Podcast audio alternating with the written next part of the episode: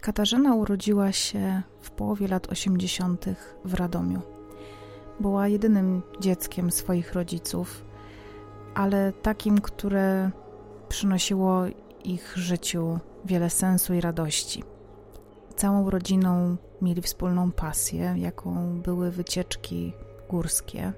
Szczególnie ukochali sobie Tatry. Rodzice Kasi kochali chodzić po górach i tą miłością zarazili swoje dziecko.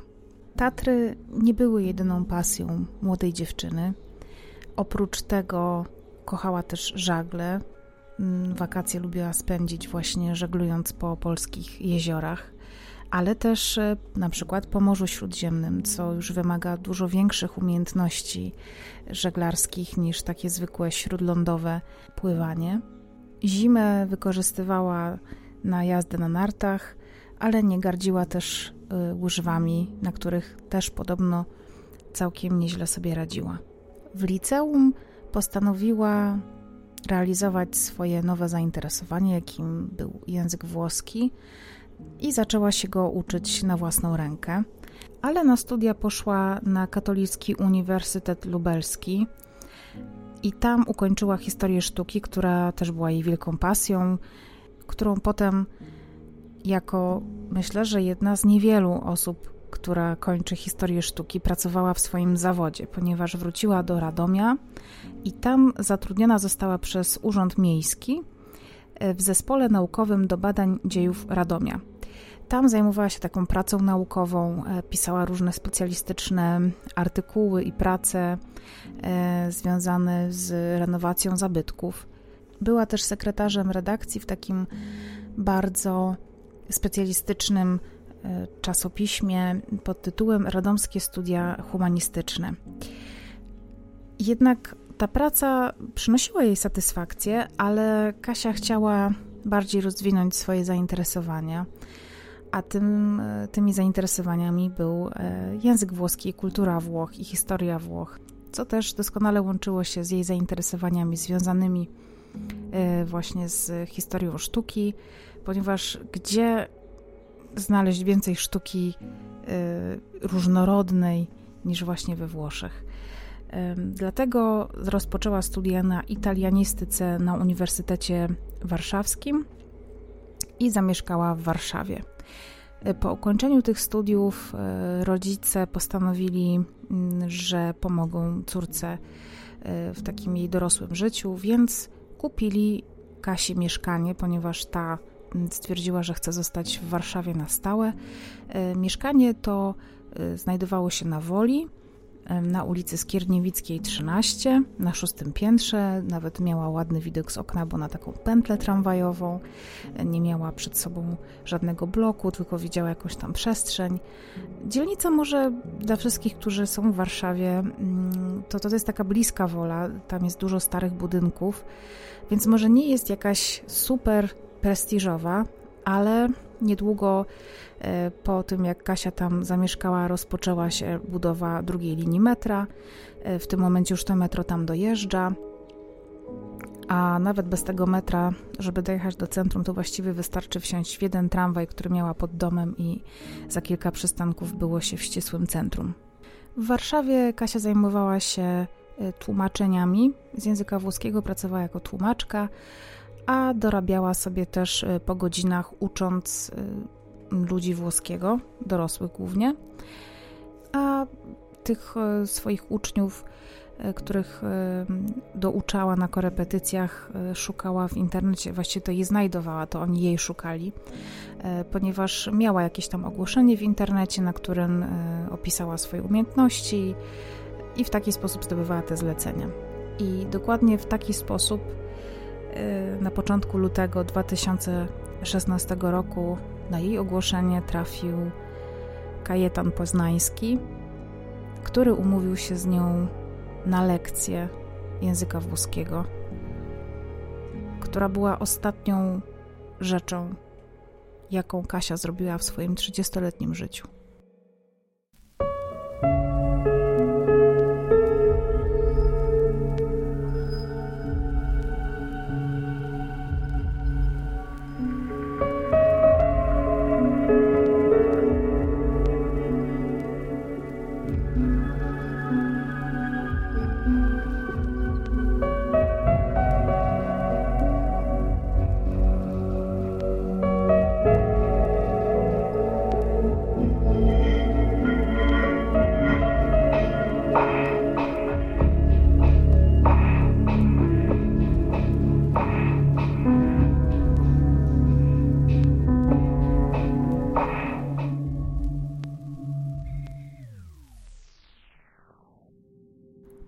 Poznański przychodzi na świat 6 października 1989 roku w Poznaniu, nomen omen.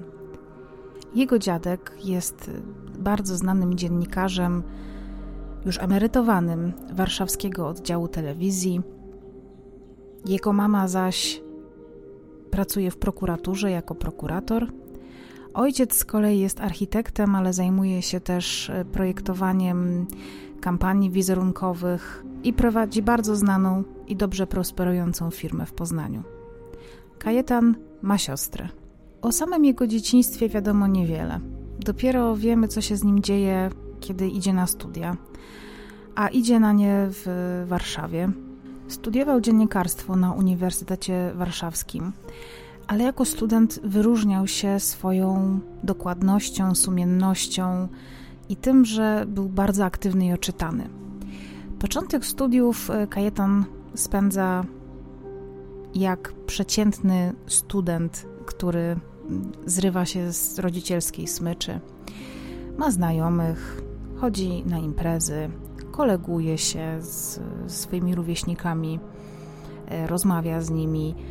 E, znajomi opisują go jako ciepłego, otwartego, pogodnego, uprzejmego człowieka. Po trzech latach e, broni licencjat i wtedy w jego zachowaniu następuje jakaś zmiana.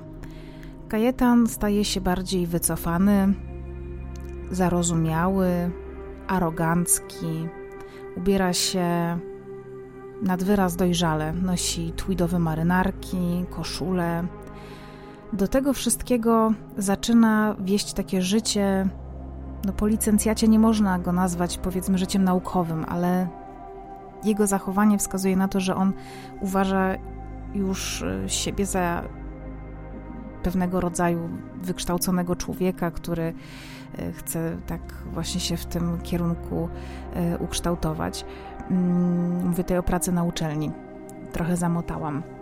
Kajetan właśnie w ramach tych aktywności uczelnianych po pierwsze działał w Radzie Studenckiej, do tego wszystkiego prowadził koło naukowe Książę i Żebrak, y, w którym y, oprócz tego, że był taką wiodącą postacią, to odpowiadał też za prowadzenie serwisu internetowego, no, strony internetowej tego koła naukowego.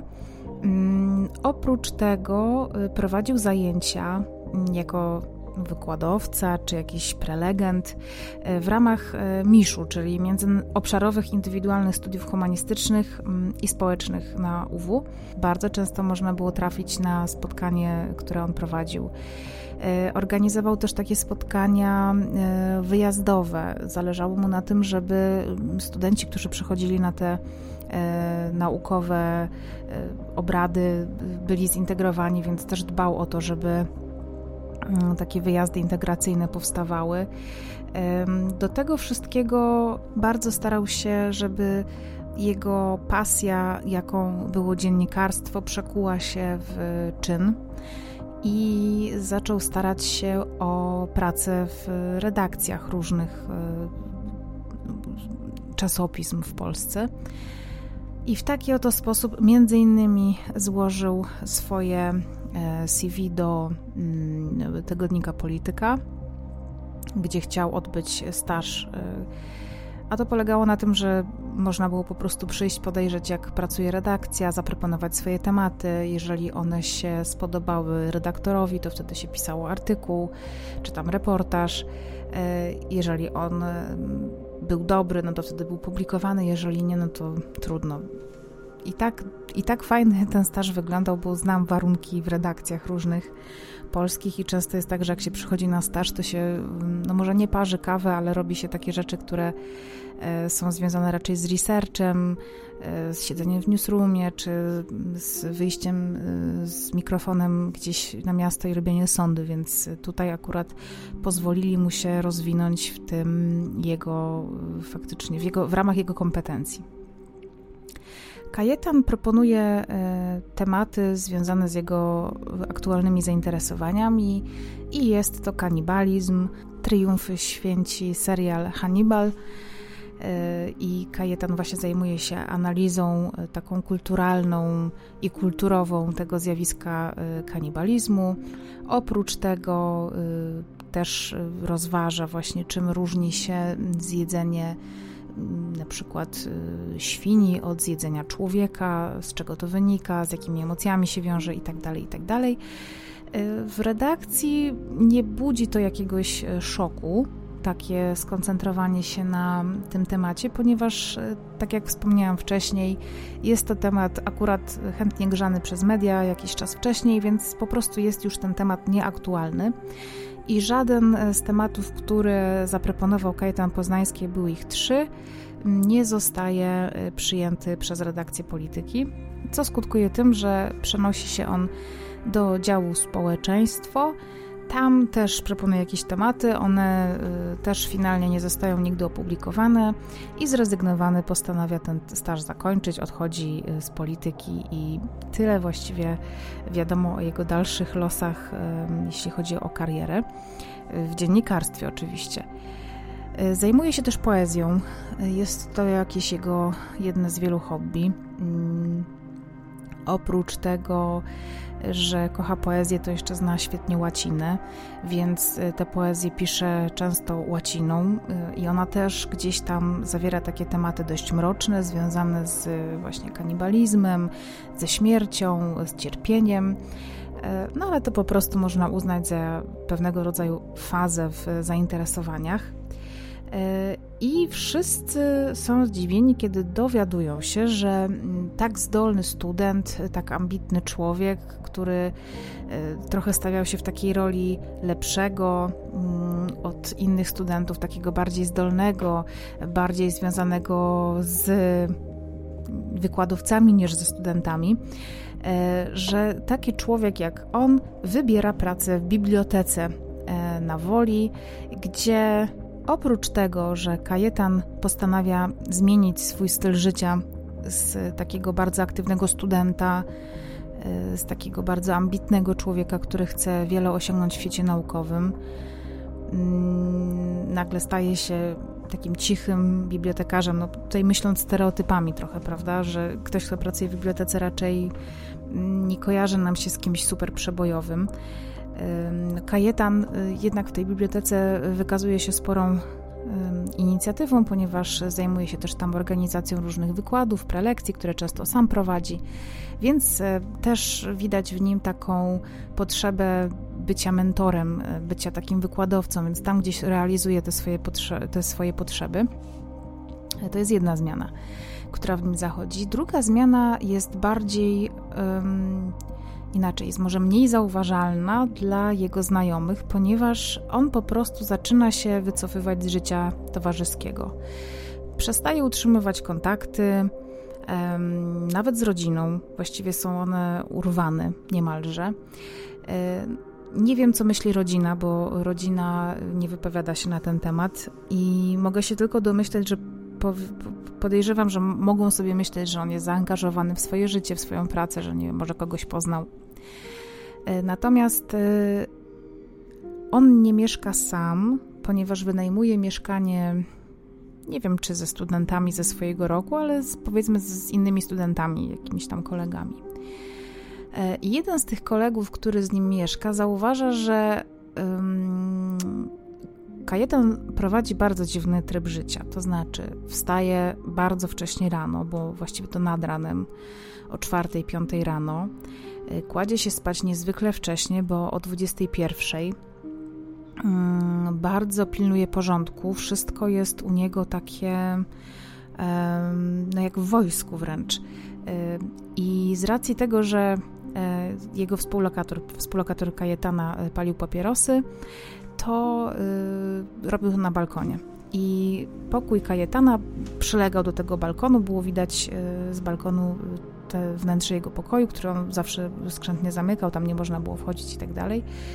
Y, I ten znajomy zagląda do tego pokoju i widzi, że ten pokój bardziej przypomina celę niż no, pokój no, nie nastolatka, ale studenta, gdzie zazwyczaj, no nie wiem, mogą być jakieś plakaty, mnóstwo rzeczy różnych, jakichś bibelotów, książek a tam właściwie nie było nic.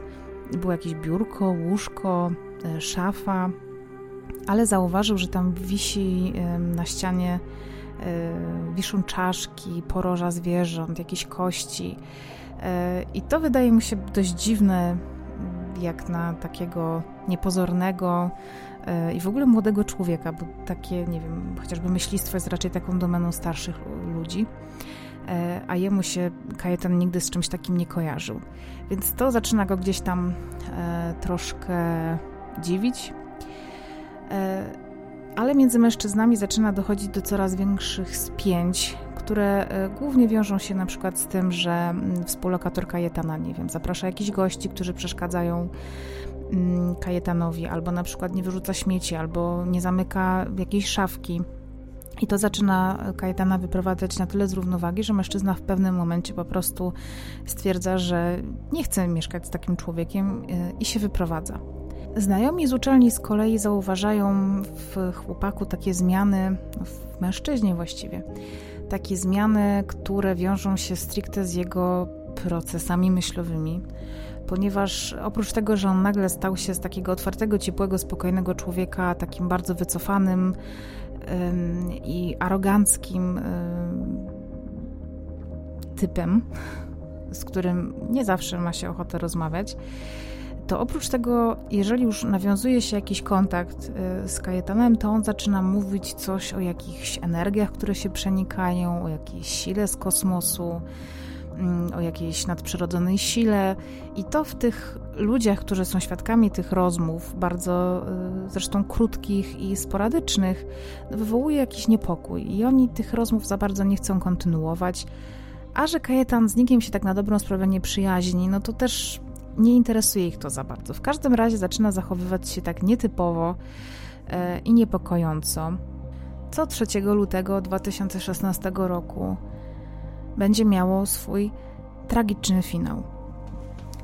Na początku 2016 roku w Kajetanie mm, zaczynają mm, buzować takie myśli związane z tym, w jaki sposób człowiek jest przywiązany do szacunku do drugiego człowieka. Myśli sobie o tym, że przecież człowiek e, to jest zwierzę jak każde inne że my, gdybyśmy żyli w takim środowisku naturalnym, gdzie nie mielibyśmy, nie wiem, jakiejś kultury, tradycji, mm, ograniczeń społecznych, pewnie zmuszeni w jakiejś tam konkretnej sytuacji, czyli na przykład sytuacji głodu, no zabijalibyśmy siebie nawzajem i jedlibyśmy siebie nawzajem. Bardzo go ten temat interesował i zastanawiał się, zresztą w jakiejś tam swojej rozprawce czy w jakiejś notatce, nawet pisał o tym, że e, abstrahując od religii i jakichś takich właśnie norm społecznych, to czy zjedzenie człowieka, e, czy zabicie człowieka celem jego konsumpcji różni się czymkolwiek od zabicia komara czy na przykład świni. I według niego nie, bo wszystko to, to są zwierzęta, e, wszyscy przecież odczuwamy ból, więc tak na dobrą sprawę nie ma żadnej różnicy. E, I zastanawiało go to właśnie, w jakiej sytuacji człowiek jest w stanie zabić drugiego człowieka, zjeść go, w jaki sposób to mięso smakuje. No, taka naprawdę już e, ta, działo się to już na taką chorobliwą skalę. E, co więcej, Kajetan był bardzo zainteresowany tym, ile on sam może wytrzymać i wdrożył sobie taki plan samodoskonalenia się, który właśnie wiązał się z tą taką musztrą, z czytaniem, z rezygnacją z jakichkolwiek przyjemności. Był też bardzo, bardzo, bardzo oszczędny, dosłownie skrajnie oszczędny, że posta, y, potrafił naprawdę robić awanturę, nie wiem, o rolkę papieru toaletowego y, ze swoimi współlokatorami i tak. Y, I to jest taka cecha, która go bardzo wyraźnie wyróżniała. I chciał przetestować też, do jakich on jest zdolny poświęceń i do jakich granic jest w stanie swoje ciało posunąć czy doprowadzić. W związku z tym wyjeżdżał samotnie na przykład y, do jakichś parków przyrodniczych y, czy parków narodowych i tam na przykład był w stanie przeżyć sam, nawet chyba bez namiotu, śpiąc pod gołym niebem, zdobywając sam pożywienie. To też było dla niego ważne, żeby człowiek, który je mięso, żeby chociaż raz miał taką możliwość upolowania sobie posiłku samodzielnie. Jego to bardzo fascynowało, więc on się na takie wyjazdy wybierał. Spał pod gołym niebem, sam organizował sobie ogień, wodę, pożywienie realizował jakieś tam swoje inne potrzeby fizjologiczne. Więc e, był przygotowany do takiego powiedzmy survivalu. To też był taki klimat, którego gdzieś tam e, kręcił. No i to nazwał właśnie takim planem samodoskonalenia się. Do tego wszystkiego zaczął dbać o swoją formę fizyczną, więc ćwiczył. Pewnie w domu to robił. Nie wiem, czy to robił na siłowni, ale znając jego oszczędność, raczej robił to w domu, bo to też wspominają o tym jego współlokatorzy, więc podejrzewam, że, że musieli go widzieć w domu, kiedy on ćwiczy. Tę ciekawość odebrania życia mm, drugiemu człowiekowi, e, Kajetan postanawia zaspokoić i te decyzje e, podejmuje właśnie jakoś w okolicach stycznia. Już wtedy wie, że, że to jest coś, co on musi zrobić, żeby się przekonać, żeby się dowiedzieć, kim on jest jako człowiek. Mm, zresztą bardzo był zainteresowany łamaniem różnych barier, schematów. Był taki negujący różne zasady i normy społeczne wewnątrz póki co. E, I postanawia, że będzie to kobieta, no bo z kobietą będzie mu łatwiej e, pewnie postąpić. I zaczyna szukać ofiary. Postanawia w sumie, że może się przecież umówić z jakąś kobietą, e, która na przykład uczy jakiegoś języka, umówi się z nią po prostu na prywatną lekcję w jej domu i tam będzie mu dużo łatwiej dokonać zbrodni. I tak właśnie robi. Zaczyna szukać lektorki języka włoskiego. Nie wiem, czy to wynika z tego, że on sam umiał mówić po włosku, bo on znał kilka języków, natomiast łacinę i angielski znał perfekt, więc y, jeżeli zna się łacinę, no to pewnie z włoskim nie ma się problemu, więc podejrzewam, że on mógł znać język włoski w jakimś tam zakresie. I yy, trafił na ogłoszenie Katarzyny J., która e, robiła takie lekcje właśnie też dla dorosłych i, i przyjmowała w swoim mieszkaniu. E, nie wiem, czy miała napisane, że mieszka sama, bo przecież tego nie można wiedzieć. A Katarzyna nie mieszkała sama, o czym też zaraz powiem. E, I Kajetan wybiera ją dlatego, że przy jej ogłoszeniu nie ma zdjęcia. Więc on cieszy się, że będzie miał jakiegoś rodzaju zaskoczenie, kiedy zobaczę swoją ofiarę. W kilku źródłach widziałam wręcz odwrotną informację, że wybrał ją właśnie dlatego, że miała zdjęcie przy ogłoszeniu, ale w takich źródłach, które wydają mi się najbardziej rzetelne mm, i takie, które y, też korzystają z wiedzy, którą wypowiadają, mm, czy wiedzy, którą dzielą się e, śledczy pracujący przy tej sprawie, e, jednak jest tam wersja właśnie o tym, że wybrał, wybrał ją dlatego, że nie widział jej zdjęcia i nie widział jak wygląda i właśnie miał ten element zaskoczenia i nie chciał wiedzieć jak ona wygląda przed tym, zanim się z nią spotka, bo to już pewnie działa w jakiś sposób na wyobraźnię, no, próbuje wejść w ten chory umysł człowieka, który postanawia coś takiego zrobić. I 3 lutego umawia się z nią na lekcję pierwszą. Rano jeszcze idzie o 10 rano do pracy i coś tam załatwia, po czym wychodzi, zwalnia się wcześniej, e, idzie pieszo na mm, ulicę Skierniewicką. E, nie jest to daleki dystans z biblioteki e, na Woli. Wchodzi do mieszkania Katarzyny. Katarzyna go wita. E, proponuje mu herbatę, e, on prosi o tę herbatę i w momencie, w którym e, kobieta idzie tę herbatę przygotować, on zachodzi ją od tyłu i zadaje jej kilkanaście czy kilkadziesiąt ciosów nożem. O tym, że Kajetan planował to zabójstwo, wiemy z tego, że przyniósł ze sobą zarówno nóż, jak i piłę. Przyniósł także ze sobą torby i plecak. Będąc w tym mieszkaniu, postanawia pozbyć się inaczej, nie pozbyć, wynieść ciało z mieszkania i chce je skonsumować.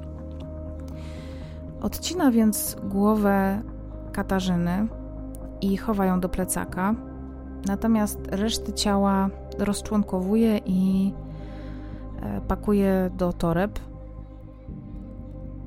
Następnie mm, postanawia posprzątać mieszkanie, żeby zatrzeć ślady krwi. Podejrzewam, że robi to dlatego, że w pewnym momencie musi się zorientować, że w tym mieszkaniu Katarzyna nie mieszka sama. E, ściera więc krew, ręczniki z tej krwi wrzuca do pralki, tę pralkę włącza. E, zabiera torby, w których znajduje się ciało e, przed chwilą zamordowanej Kasi. Schodzi na dół, jedzie windą, do której wsiada jeszcze sąsiadka, która jedzie z ósmego piętra. Ta sąsiadka go widzi, obserwuje, widzi, że on ma bardzo ciężkie torby, ale go nie zagaduje. E, I kiedy razem wychodzą z bloku, kobieta widzi, że mężczyzna wsiada do taksówki, e, pakuje te wszystkie bagaże e, do środka i odjeżdża.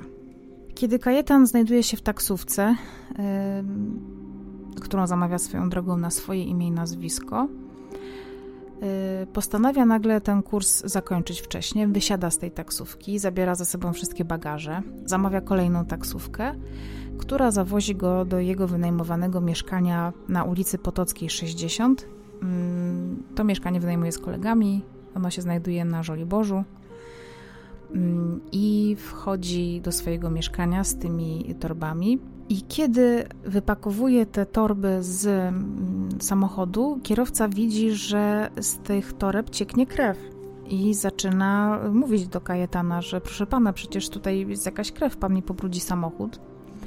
I tutaj dochodzi do takiej, moim zdaniem, dość abstrakcyjnej wymiany zdań, ponieważ e, kiedy Kajetan mówi, że to jest dziczyzna, którą on upolował i po prostu właśnie tam przygotował to mięso, czy tam wiezie z jakiegoś polowania to mięso i ono po prostu teraz cieknie, żeby ten człowiek się nie martwił, to ten taksówkarz odpuszcza. Ja tego do końca nie rozumiem, bo wiem, jak jest z taksówkarzami, kiedy się ten samochód czymkolwiek zabrudzi. Ja kiedyś rozlałam wody niechcący na siedzenie i miałam z tego powodu problemy. Więc w jaki sposób argument, że to nie jest krew ludzka, mm, uspokaja tego e, taksówkarza na tyle, że on tego kajetana po prostu puszcza. I świadkiem tej sytuacji jest e, dozorczyni tego. Znalazłam informację, że to jest dozorczyni E, znalazłam też informację, że to jest po prostu sąsiadka, ale któraś z sąsiadek wypowiada się do kamery i mówi, że to była dozorczyni, która akurat wtedy coś robiła na zewnątrz i widziała tę sytuację, słyszała ten dialog z taksówkarzem i to właśnie od niej o tym wiemy i potem od taksówkarza że on właśnie y, zabrudził tę taksówkę krwią i że y, z, tą, z tymi torbami próbował wejść do bloku, ale jakoś sprawiało mu to trudność i nawet ta sąsiadka miała zaproponować, że mu pomoże z tymi torbami wejść, zaledwie na pierwsze piętro, ale finalnie mu tego nie zaproponowała, bo widziała, że faktycznie te torby zaczynają być takie no, krwawe, więc stwierdziła, że dobra, on jest młody, na pewno sobie poradzi, przecież jakoś do tej taksówki musiał wsiąść.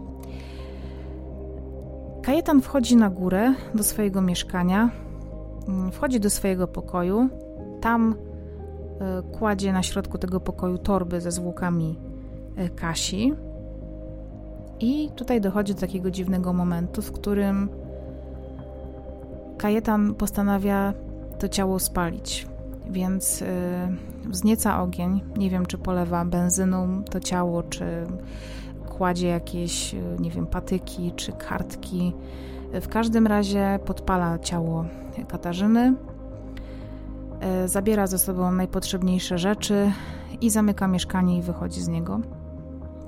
Yy i najprawdopodobniej dzieje się to w okolicach godziny 13, 14, bo o 15 sąsiedzi zauważają, e, że z tego mieszkania wydobywa się dym, więc wzywają straż pożarną, która około 15 na tę ulicę przyjeżdża, e, wchodzi do mieszkania i widzi, że właśnie płoną te torby na środku pokoju. Na szczęście ten pożar nie strawił reszty mieszkania i udało się go ugasić na takim e, niezbyt zaawansowanym etapie doszło do takiego no, zadymienia tego mieszkania i oczadzenia. Że się szać, nie szać matko, przepraszam, sadza pojawiła na ścianach e, i jeden ze strażaków postanawia sprawdzać, sprawdzić, co jest w tych torbach, które tak płoną. Mm, no i odkrywa, że są tam poćwiartowane zwłoki e, ludzkie. Po włosach widzi, że jest to kobieta. Mm, szybko zostaje oczywiście wezwana policja. E, no i co się w ogóle na dobrą sprawę tutaj stało, bo na początku wszyscy myślą, że do zbrodni doszło tutaj w tym mieszkaniu na Żoliborzu, skoro tutaj są zwłoki. Ale po chwili e, nie wiem, czy strażacy, czy już e, policjanci widzą, że to jest niemożliwe, bo odkrywają, że kobieta ma zadane, ma rany, które powstały na pewno od ciosów nożem więc gdzieś musi być krew, a tej krwi nigdzie nie ma. I to też potem w wyniku tam oględzin miejsca zwłok widać, że, że do tej zbrodni nie mogło dojść w tym miejscu. I zanim oni docierają i udaje im się odtworzyć drogę tej kobiety, znaczy tej kobiety, tej ofiary, która tam się znalazła, no to mija kilka ładnych godzin, bo dopiero sąsiedzi z ulicy Skierniewickiej 13 yy, pamiętają, że, yy, że dopiero o 21 policja zaczęła w ich bloku szukać yy, tych śladów. Ale też dzieje się to dlatego, że e, pewnie by się tak nie stało, gdyby nie to, że Katarzyna J. nie mieszkała sama w tym mieszkaniu, ponieważ wynajmowała tam jeden z pokoi mm, jakiemuś mężczyźnie. I tego samego dnia, o czym Kajetan nie mógł wiedzieć, e, Katarzyna miała lecieć do Włoch do swojego narzeczonego. I ten współlokator o tym doskonale wiedział. Ona już miała kupione bilety, mm, była, nie wiem, czy spakowana. W każdym razie to było pewne, że ona po południu do, tego, do tych Włoch e, leci. I kiedy ten współlokator wrócił do mieszkania, zobaczył, że są otwarte drzwi, że pokój Kasi również jest otwarty, a w tym pokoju jest otwarty laptop, e, zostawiony telefon, wszystkie jej rzeczy tam są. Więc wyglądało to tak, jakby ona po prostu w jakimś. E, no, przed chwilą, jakby wybiegła z mieszkania w jakiejś takiej. No, nawet stresowej sytuacji.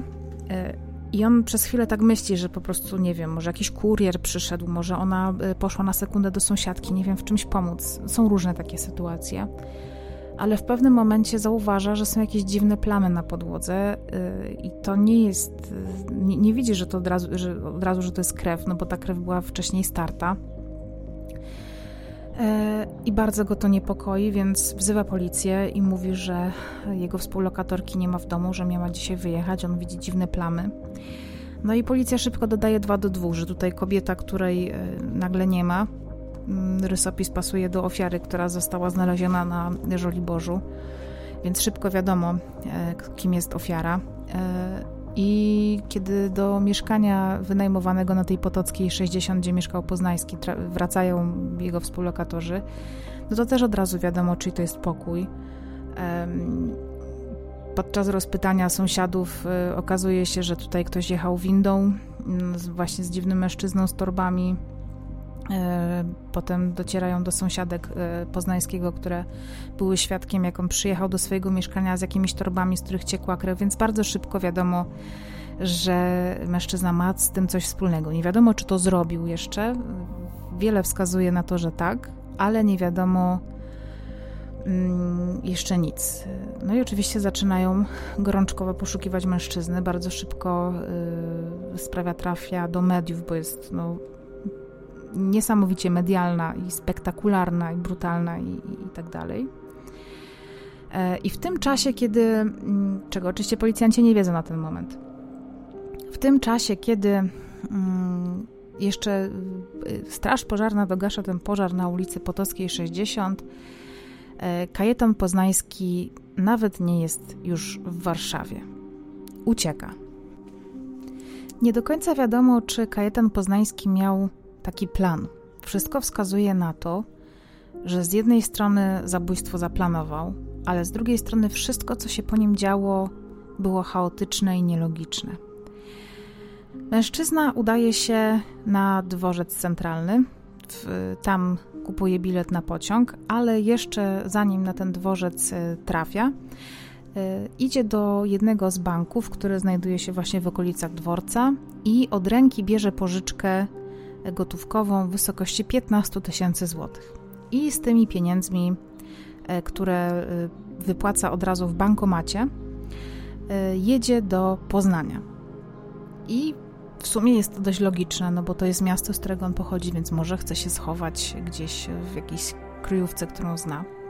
Ale nie, on w tym Poznaniu wysiada z pociągu, kieruje się do mm, centrum handlowego, które jest przy dworcu, tak jak, nie wiem, Złote Tarasy w Warszawie, czy Galeria Krakowska w Krakowie. W Poznaniu też jest taka galeria, nawet w niej byłam kiedyś. I tam y, odwiedza kilka sklepów. Przede wszystkim odwiedza e, sklep y, odzieżowy, gdzie kupuje kurtkę. Co śmieszne, kupił kurtkę damską i to też zastanawiało śledczych, dlaczego tak się stało. On ją kupuje dlatego, że ona wisi na wieszaku po prostu jako pierwsza. Idzie z tą kurtką do kasy. On jest w ogóle szczupłym bardzo mężczyzną, ma 1,80 m, 85 wzrostu, więc e, też łatwo mu jest taki damski ciuch dobrać, jeżeli chodzi, nie wiem, o wagę czy tam o figurę. Idzie do kasy, płaci za tę kurtkę gotówką i Dlatego o tej całej historii wiemy, ponieważ e, zapamiętała go e, sprzedawczyni, z którą on się wykłócał o grosz. Zrobił jakąś awanturę w sklepie, bo ta kobieta nie miała mu jak wydać grosza. Więc znowu wyszło jak to skąpstwo z niego, które w późniejszym czasie stanie się taką jego bardzo charakterystyczną cechą, po której też będzie łatwiej do niego dotrzeć. E, po kupieniu tej kurtki idzie do salonu optycznego i tam kupuje okulary e, z białymi oprawkami, bo sam nosi okulary, ale nosi je w kolorze czarnym. Do tego wszystkiego jeszcze w tej galerii kupuje mm, plecak, e, czerwony t-shirt. Do tego wszystkiego idzie jeszcze po zakupy spożywcze i między innymi wtedy kupuje banany, gruszkę, mm, mleko, y, bułki, kiełbasę jakąś tam z kurczaka, serwetki y, i nutellę. Z tymi zakupami wraca na dworzec, tam kupuje bilet na pociąg do Berlina i wyjeżdża z kraju. Co Kajetan robi w Niemczech, y, nie wiadomo, ponieważ wyłącza telefon i namierzenie go już staje się trudne. E, co robi w Poznaniu wiemy też z monitoringu, do którego policjanci docierają po całkiem niedługim czasie. Widać tam e, to, w jaki sposób e, Kajetan porusza się po tym centrum handlowym, do których sklepów wchodzi. Wiemy też, jakie zakupy robi. Wiemy, że idzie na dworzec, wiemy na jaki pociąg i tak dalej. W momencie, w którym policjanci do tego wszystkiego docierają, to wiedzą, że od Kajetana dzieli ich 8 dni, to znaczy wiedzą, że w Poznaniu kupił takie i takie rzeczy 8 dni po tym, kiedy on to zrobił, więc mężczyzna ma dużą przewagę nad e, śledczymi. E, wiadomo, że jedzie do Berlina, tam w Berlinie też e, jakimiś sposobami, bo to są dane nieujawnione, wiedzą, gdzie on wysiadł, wiedzą najprawdopodobniej, gdzie wsiadł. Nie wiadomo do końca, przynajmniej nie jest to podane do informacji publicznej, co on robił w kolejnych krajach. Wiemy, że dostał się na pewno do Włoch, skąd przedostał się na Maltę. I miał taki plan, że przedostanie się na tę Maltę. Mm, tam też będzie chwilę y, siedział, dlatego że jego plan jest bardzo prosty. On chce zgłosić zaginięcie swojego paszportu w konsulacie, mm, udać się y, następnie z takim kwitem, który poświadcza, że, że się utraciło paszport, do y, konsulatu chyba tunezyjskiego i tam y, chcieć, tam on chce wykupić wycieczkę do Tunezji i na tym kwicie y, przedostać się właśnie do Tunezji, bo wtedy nie odnotowuje się wjazd y, osoby o jakimś tam numerze paszportu, co jest bardzo łatwo do sprawdzić od razu i go namierzyć. Tylko chce na tym kwicie wjechać do. A poza tym przecież, y, gdyby pewnie chciał na paszporcie wjechać, to musieliby go sprawdzić i wiadomo by było, że jest za nim list gończy. O czym nie powiedziałam oczywiście, przepraszam Was, ale w bardzo szybko pojawia się list gończy i to taki międzynarodowy. Y, Na stronach Interpolu Kajetan Poznański ma wystawioną czerwoną notę, czyli jest uznany za najbardziej niebezpiecznego przestępcę ściganego przez 160 ileś tam, w 160 iluś krajach na całym świecie. Więc na pewno, gdyby pokazał ten paszport, no to gdzieś tam pewnie wyskoczyłaby jakaś adnotacja o tym, że ten człowiek owszem jest poszukiwany listem gończym.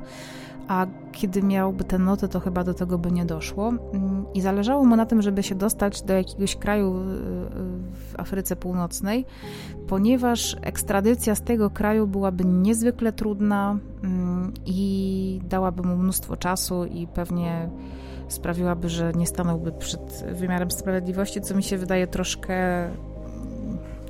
Chociaż patrząc na to, ile trwa, trwają procedury, nie wiem, ściągnięcia dokumentów związanych z śmiercią Magdaleny Żuk z Egiptu, no to myślę, że, że faktycznie wiedział, co robi. E, udał się na tą Maltę, tam zameldował się e, w hostelu prowadzonym przez starszą kobietę, w hostelu Asti e, w Waletcie i mieszkał tam przez kilka dni. W międzyczasie w Polsce mm, trwała obława. E, sprawdzano wszystkie tropy, poszlaki, telefony były rozgrzane do czerwoności. Wszyscy myśleli, że gdzieś go tam widzą, że wiedzą, gdzie on się mógł udać. On kochał właśnie takie survivalowe klimaty, więc może będzie w Beskidzie, a może będzie w Bieszczadach, a może w jakimś parku narodowym, a może w Poznaniu. Od razu też e, zaczęto przyglądać się jego rodzinie, bo e, no, nie ma się tutaj też co dziwić, e, jeżeli ktoś dokonuje albo jest podejrzany przede wszystkim, bo to jeszcze przecież nie ma jakby wyroku na tamten moment. Jeżeli ktoś dokonuje tak strasznego czynu, no to fakt, że matka została przed chwilą nominowana i awansowała gdzieś tam do prokuratury generalnej, no jest jakimś. Y, y, jest jakimś y, powodem, dla którego można myśleć, że być może ktoś mu pomaga uciec przed wymiarem sprawiedliwości. No to są jednak bardzo duże wpływy. Czy można, można być bardzo, bardzo wpływowym człowiekiem. Co ciekawe, Mm, rodzina, która y, znajduje się już pod obstrzałem oczywiście dziennikarzy, którzy próbują się dostać od razu do matki y, Kajetana. Dzwonią do prokuratury, ale w prokuraturze informują e, wszystkich dziennikarzy, że taka osoba o takim imieniu, nazwisku tutaj nie pracuje, więc podejrzewam, że albo chronili tę kobietę, chociaż chyba nie mogą zataić, e, że no jednak prokurator jest to osoba zaufania publicznego i w ogóle to jest stanowisko publiczne, więc nie mogą chyba zataić danych publicznych, ale tutaj nie wiem, więc pytanie do wszystkich, którzy się znają na takich kwestiach. Możliwe, że kobieta się po prostu automatycznie od razu zwolniła, więc. Um, więc może doszło do takiej sytuacji. Zresztą nie zdziwiłabym się, gdyby nawet jej to kazano zrobić, albo ona by to sama chciała zrobić. W każdym razie z rodziną nie ma e, kontaktu. E, jedyne, co rodzina robi, to zatrudnia mm, Kajetanowi adwokata od razu. Mm, nawet jeszcze mężczyzny nie ma e, złapanego, nie wiadomo gdzie on się w ogóle nawet znajduje. Czy żyje, czy nie żyje, to rodzina zatrudnia mu adwokata, który w razie czego po prostu od razu mu mm, będzie pomagał jakoś z tego się wydostać, z tej bardzo trudnej sytuacji, w której się znalazł. E, I ten adwokat jest jednym z najlepszych adwokatów w Warszawie. Mm, więc to też jakoś na opinii publicznej robi takie dość nieciekawe wrażenie. Z drugiej strony, no, co byśmy zrobili, gdybyśmy byli rodzicami dziecka, które właśnie spektakularnie kogoś zamordowało i teraz jest na ustach e, wszystkich e, w Polsce i jeszcze w Europie, bo sprawa była bardzo medialna i bardzo głośna no pewnie też chcielibyśmy w jakiś sposób y, dowiedzieć się, co się dzieje i pomóc swojemu dziecku, albo przynajmniej jakoś go otoczyć jakąś taką, nie wiem, prawną opieką. Nie wiem. Ja tego nie postrzegam w żaden sposób negatywnie. E, w każdym razie rodzina też jest oczywiście pod obserwacją, ale Kajetan nie nawiązuje z tą rodziną żadnych, e, żadnego kontaktu. E, w końcu policji udaje się dotrzeć do nagrania właśnie z Malty. Nie wiem, czy to jest dworzec autobusowy, czy to jest port. Mm, w każdym razie widać, jak on na tę Maltę przybywa. Bo tam jest monitoring i widzą, jak on idzie, mm, widzą już jego ubrania, widzą, jak jest ubrany, że ma trochę zmienioną stylizację. E, I nie wiedzą, czy on już z tej Malty się wydostał, czy się nie wydostał, więc szybko e, policjanci jadą na tę Maltę. Lecą, nie wiem, pewnie lecą. Lecą na Maltę i tam próbują się e, zorientować, gdzie on może być. Nie wiedzą, gdzie on może być. Mm, natomiast wtedy zaczynają myśleć, kierując się e, poszlakami, które on im sam gdzieś tam zostawia, takimi okruszkami, strzępkami informacji, które on o sobie zostawia. Pierwsza informacja o nim jest taka, że on przede wszystkim jest najprawdopodobniej spanikowany, ponieważ e, po tych kilku dniach, które intensywnego śledztwa, po, po dotarciu do jego e, znajomych, do jego współlokatorów, do jego współpracowników, dowiadują się czegoś o nim, dowiadują się, że on był zafascynowany na przykład kanibalizmem, więc myślą o tym, że najprawdopodobniej on chciał e, Katarzynę zjeść, chociaż kawałek. I z jakiegoś powodu tego nie zrobił, co mogło go wprowadzić w jakiś taki stan e, wściekłości, wymknęło mu się to po prostu spod kontroli. Mm, I on najprawdopodobniej przeliczył się z własnymi możliwościami, w związku z tym teraz działa lękowo i ten lęk e, potrafi człowieka w jakiś taki sposób przyblokować i nakazuje mu gdzieś tam działać automatycznie. Z drugiej strony jego działania wydają się bardzo przemyślane. E, z trzeciej zaś strony są kompletnie nielogiczne e, dla śledczych i, wydaje mi się, że, że dla nas wszystkich, jak to obserwujemy sobie gdzieś tam z boku. Natomiast śledczy wiedzą o nim jedno, że jest chorobliwie oszczędny, że jest wręcz skąpy i że na pewno nie będzie, mm, też wiedzą po tych sytuacjach z wykłócaniem się o nie wiem, ten papier toaletowy, o jakieś grosze w sklepie, o kłótnie ze współlokatorami. Wiedzą to też e, z, chociażby z tego, y, co on sobie kupił na taką wyprawę przez całą Europę że to były zakupy spożywcze w drobnych kwotach, więc wiedzą, że on na pewno nie mieszka nie w żadnym hotelu. E, jeżeli już, to pewnie w jakimś e, takim guest house czy w hostelu.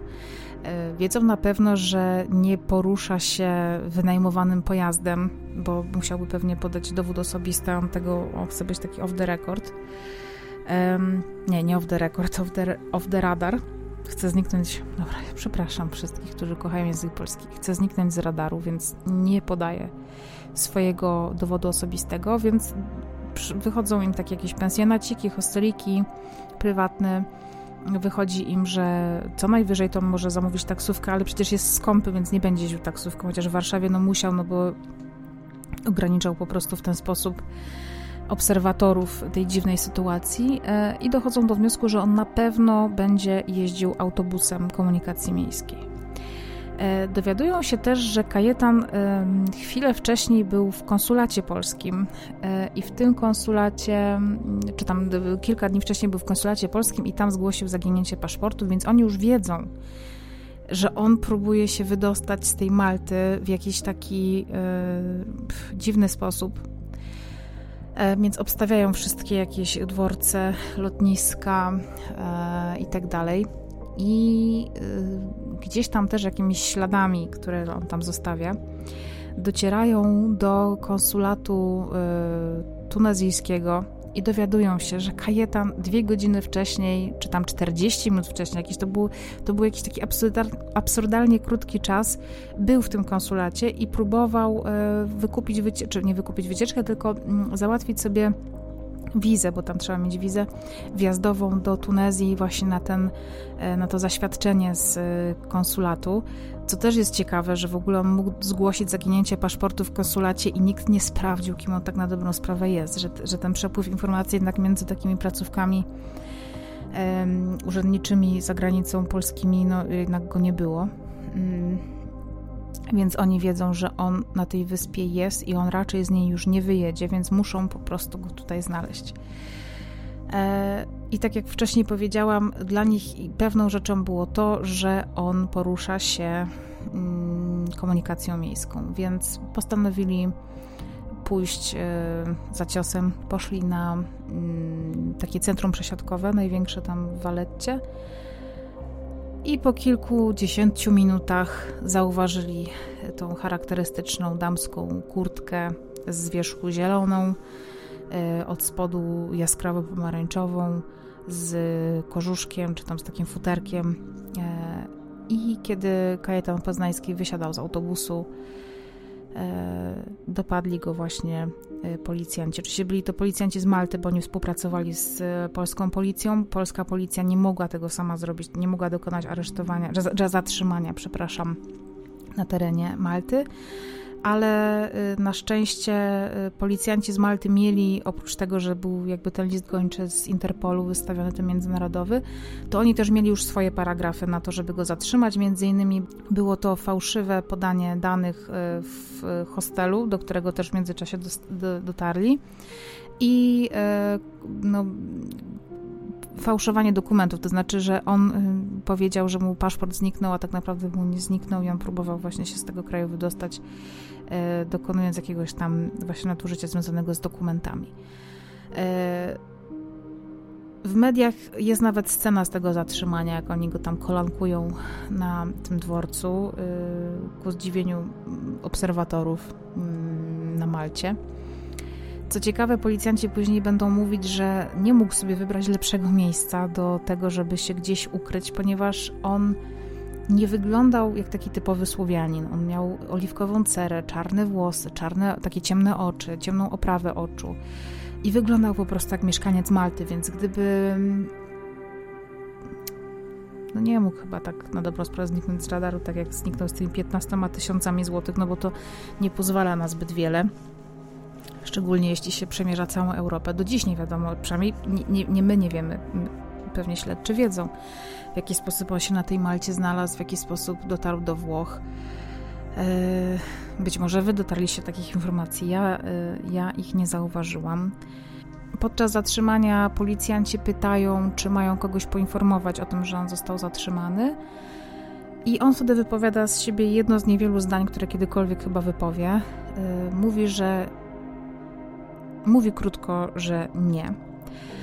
E, zostaje zapakowany do radiowozu i jeden z polskich e, śledczych, który dowodzi tej całej akcji, postanawia mm, z nim tym samochodem jechać i opowiada o tym w jednym z wywiadów, chyba w, albo w interwencji Polsatu, albo w jakimś magazynie y, Stefan 24. Mówi do kamery, że y, postanowił zrobić z nim taką grę na spojrzenia, który dłużej wytrzyma. I w pewnym momencie Kajetan e, Poznański podobno e, zaczął robić jakieś, nie wiem, czy dziwne miny, czy się lekko uśmiechnął. E, I to sprawiło, że ten policjant się tak poczuł bardzo dziwnie. I wspominał o tym, że właśnie jego twarz była kompletnie bez wyrazu, beznamiętna. E, co później e, jeden z ekspertów, takich największych w Polsce od psychiatrii e, sądowej, dr Jerzy Pobocha, będzie uważał za też taki przejaw lękowy, takiego paraliżu wywołanego lękiem, że człowiek po prostu nie okazuje emocji. Poznańskiemu zostają postawione zarzuty na samej Malcie. Potem dochodzi do takiego procesu, który ma doprowadzić do ekstradycji czy do sprowadzenia go tak na dobrą sprawę do Polski. E, to się udaje po kilkunastu dniach, ale jeszcze kiedy Poznański jest w mm, areszcie na Malcie, e, odbywa się pogrzeb Kasi, który jest e, bardzo skromnym pogrzebem. Odbywa się w świeckim obrządku w Radomiu, jej rodzinnym mieście. Na tym pogrzebie pojawia się 200 osób mniej więcej. Rodzina bardzo prosi o to, żeby na tym pogrzebie nie było dziennikarzy, fotoreporterów.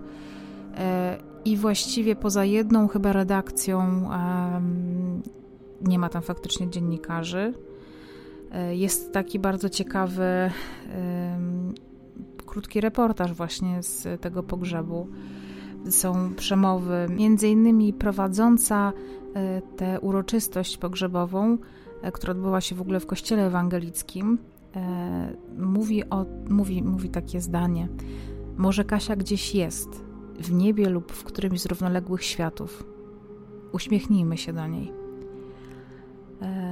Następnie głos zabrali jej znajomi, jej przyjaciele. Odbył się też taki mały koncert muzyki mm, operowej włoskiej, którą Kasia bardzo kochała, a jej urna została złożona do rodzinnego grobowca na cmentarzu przy ulicy Limanowskiego w Radomiu. Pogrzeb Kasi odbywa się 16 lutego, a 26 lutego Kajetan trafia do Polski. Czeka na niego cały kraj. Co ciekawe, zamiast tej pozornie miłej twarzy, którą wszyscy przez ostatni miesiąc praktycznie, bo to 26 minut 3, no to są 3 tygodnie, E, oglądali w mediach, e, widzą człowieka prowadzonego w eskorcie kilku e, policjantów z takim bardzo dziwnym hełmem na głowie.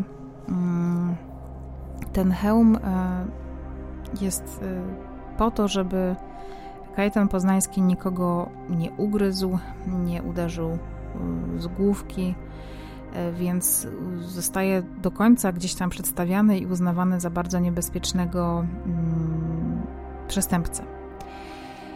I z, ja tak sobie kiedyś myślałam, że w ogóle jak mogą go uznawać za niebezpiecznego mm, przestępcę, skoro on tak na dobrą sprawę wykorzystał słabość czyjąś i otoczeniu kilku policjantów, no to raczej, czy tam nawet takich E, wiecie, członków grup specjalnej, grupy specjalnej, e, to on jest po prostu malutki. Ale okazuje się, że on w trakcie pierwszych trzech miesięcy aresztu e, atakuje policjanta, którego gryzie właśnie w rękę. Dzieje się to chyba w areszcie. Albo właśnie w samochodzie, teraz nie pamiętam. A drugiego ataku dopuszcza się na panią psycholog, która do niego przychodzi i on się na kobietę rzuca i zaczyna ją dusić. I na szczęście wkracza do akcji strażnik, który pilnował tego pokoju. E, próbuje go odciągnąć, a w tym momencie Kajetan Poznański łapie za jakieś rozbite szkło. Swoją drogą, kto dopuścił do tego, żeby tam było szkło na tej sali, jakiekolwiek, nie wiem, z popielniczki czy ze szklanki, z czegokolwiek, łapie za to szkło i rani tego strażnika w rękę, e, za co dostaje kolejne oczywiście zarzuty. E, areszt oczywiście jest przedłużony mm, i dopiero w kilka lat później, bo w 2018 roku, e, rusza jego proces, który jest procesem, na który czeka cała Polska. Oczywiście no, bardzo długo, dużo czasu zajmuje zebraniem po pierwsze materiału dowodowego. E, ale przede wszystkim e, sąd też, e, czy nie sąd, tylko zostają przeprowadzone badania psychiatryczne. Mężczyzna musi zostać poddany obserwacji psychiatrycznej. I tutaj teraz zaczyna się bardzo ciekawa, z drugiej strony dość niepokojąca historia.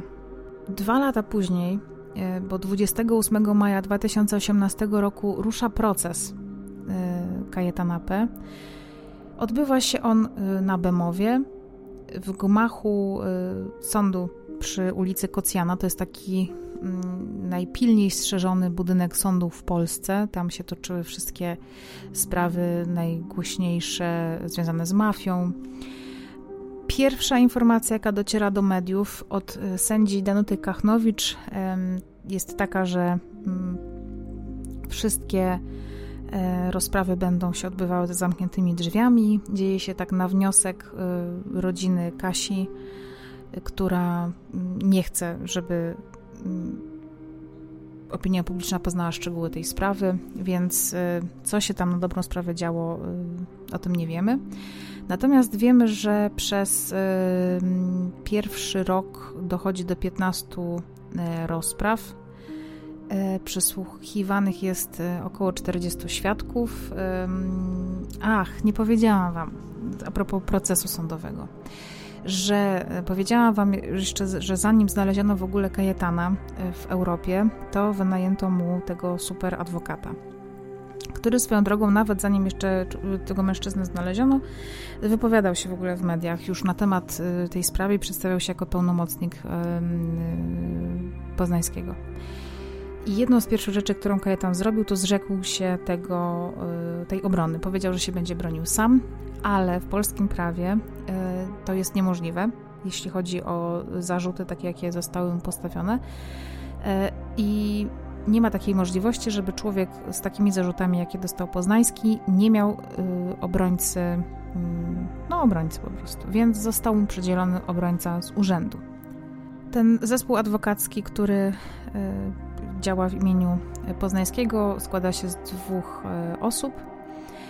Co ciekawe, rodzice, szczególnie matka Kajetana Poznańskiego, w sądzie nie pokazuje się zbyt wiele razy. No, kilka razy jest wezwana jako świadek, y, i chyba tylko na tym ogranicza swoją obecność. E, prokurator żąda dla mężczyzny dożywocia, bo uważa, że tylko taki mm, wyrok jest w stanie w jakikolwiek sposób y, odpowiedzieć na ten czyn, który, którego się dopuścił.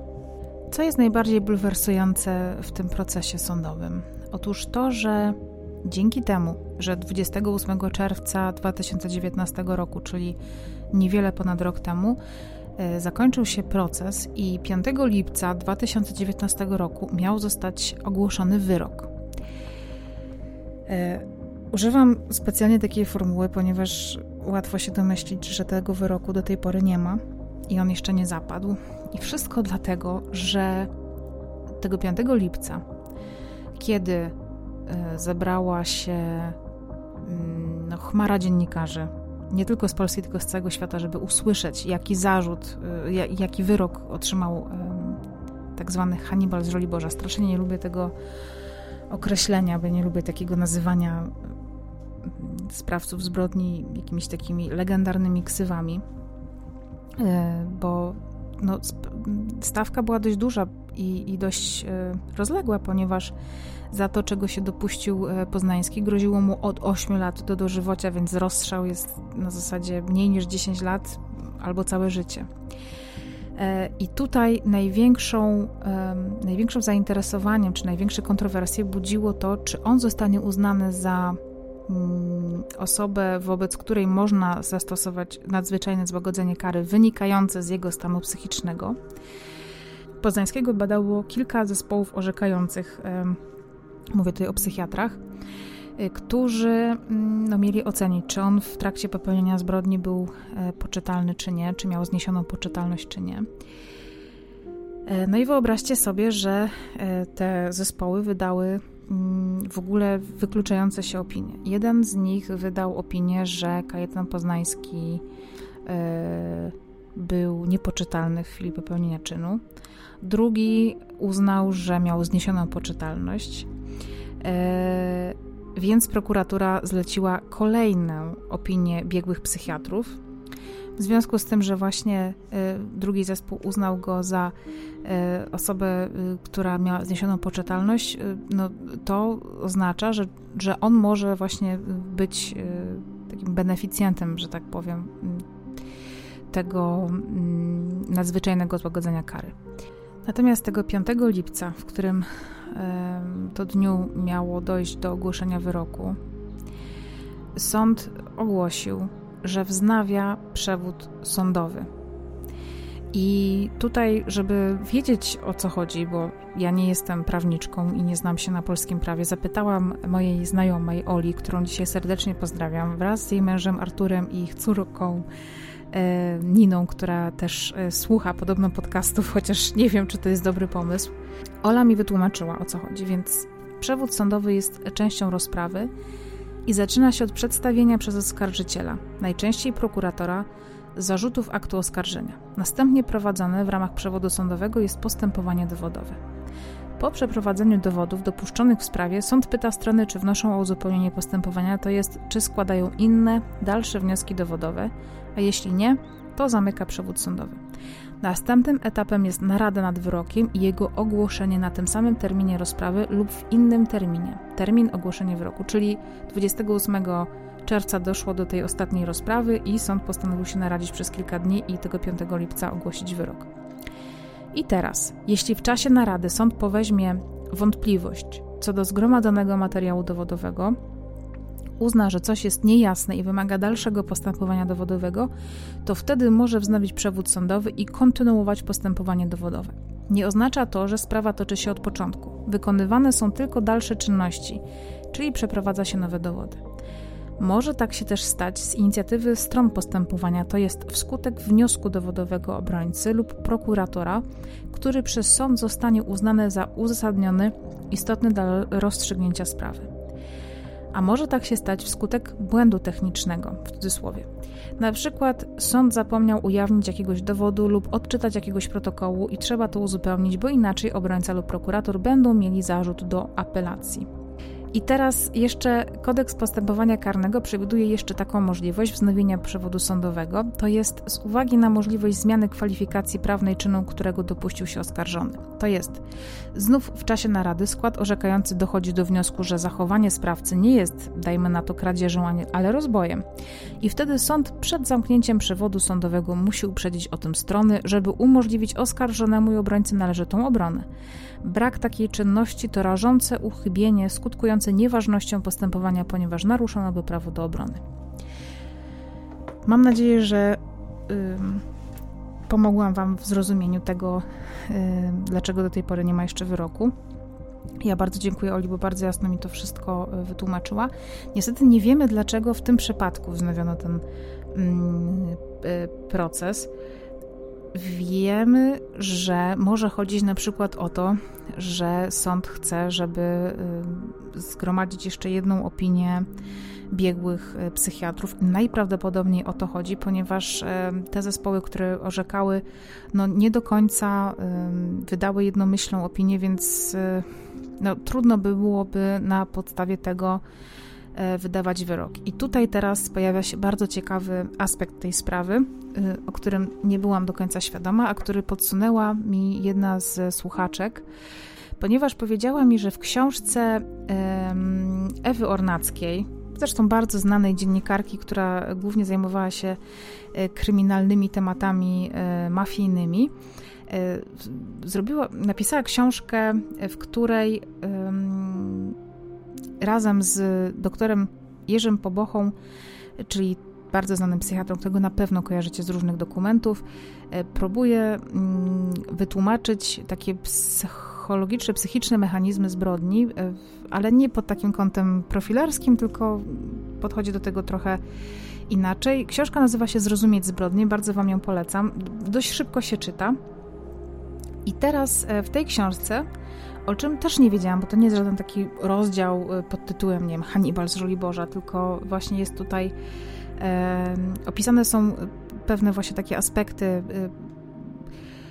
które psychiatra, biegły psychiatra e, musi właśnie mm, znać w swojej pracy i co może go spotkać na, na, na jego drodze kariery podczas różnych procesów sądowych.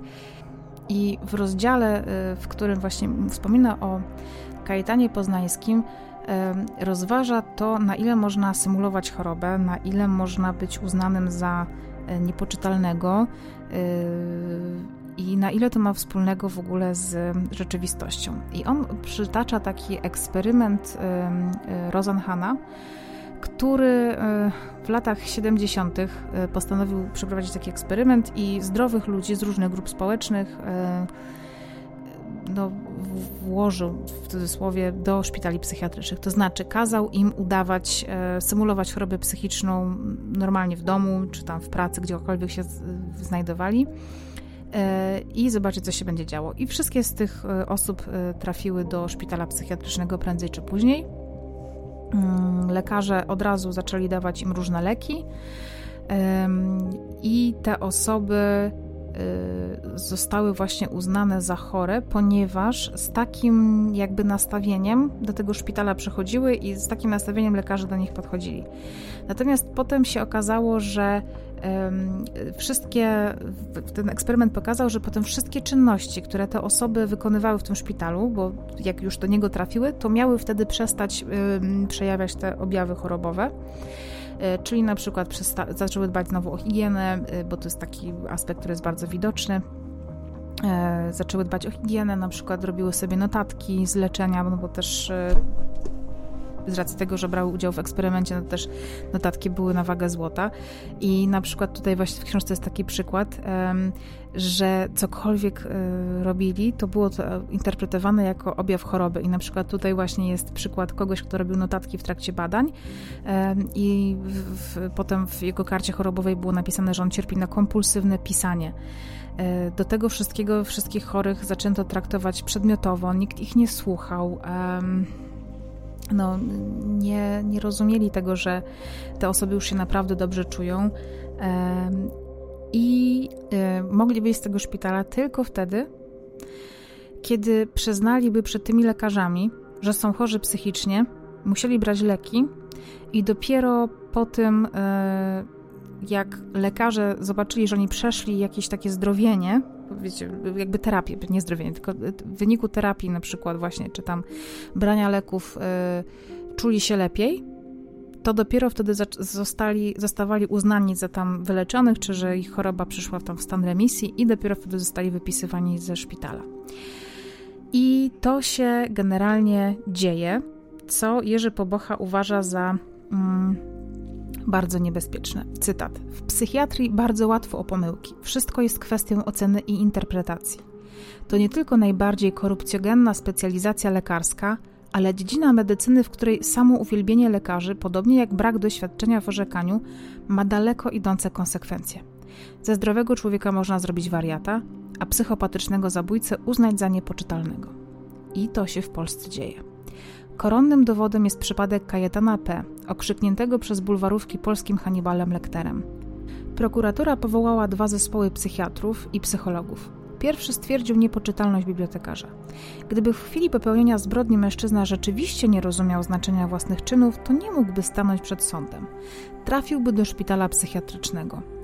Drugi zespół biegłych wydał opinię, że sprawca wcale nie cierpi na chorobę psychiczną, a jedynie ma pewne zaburzenia i działał w stanie ograniczonej poczytalności. Co to oznaczało? Przede wszystkim dawało nadzieję na proces, chociaż kara byłaby łagodna.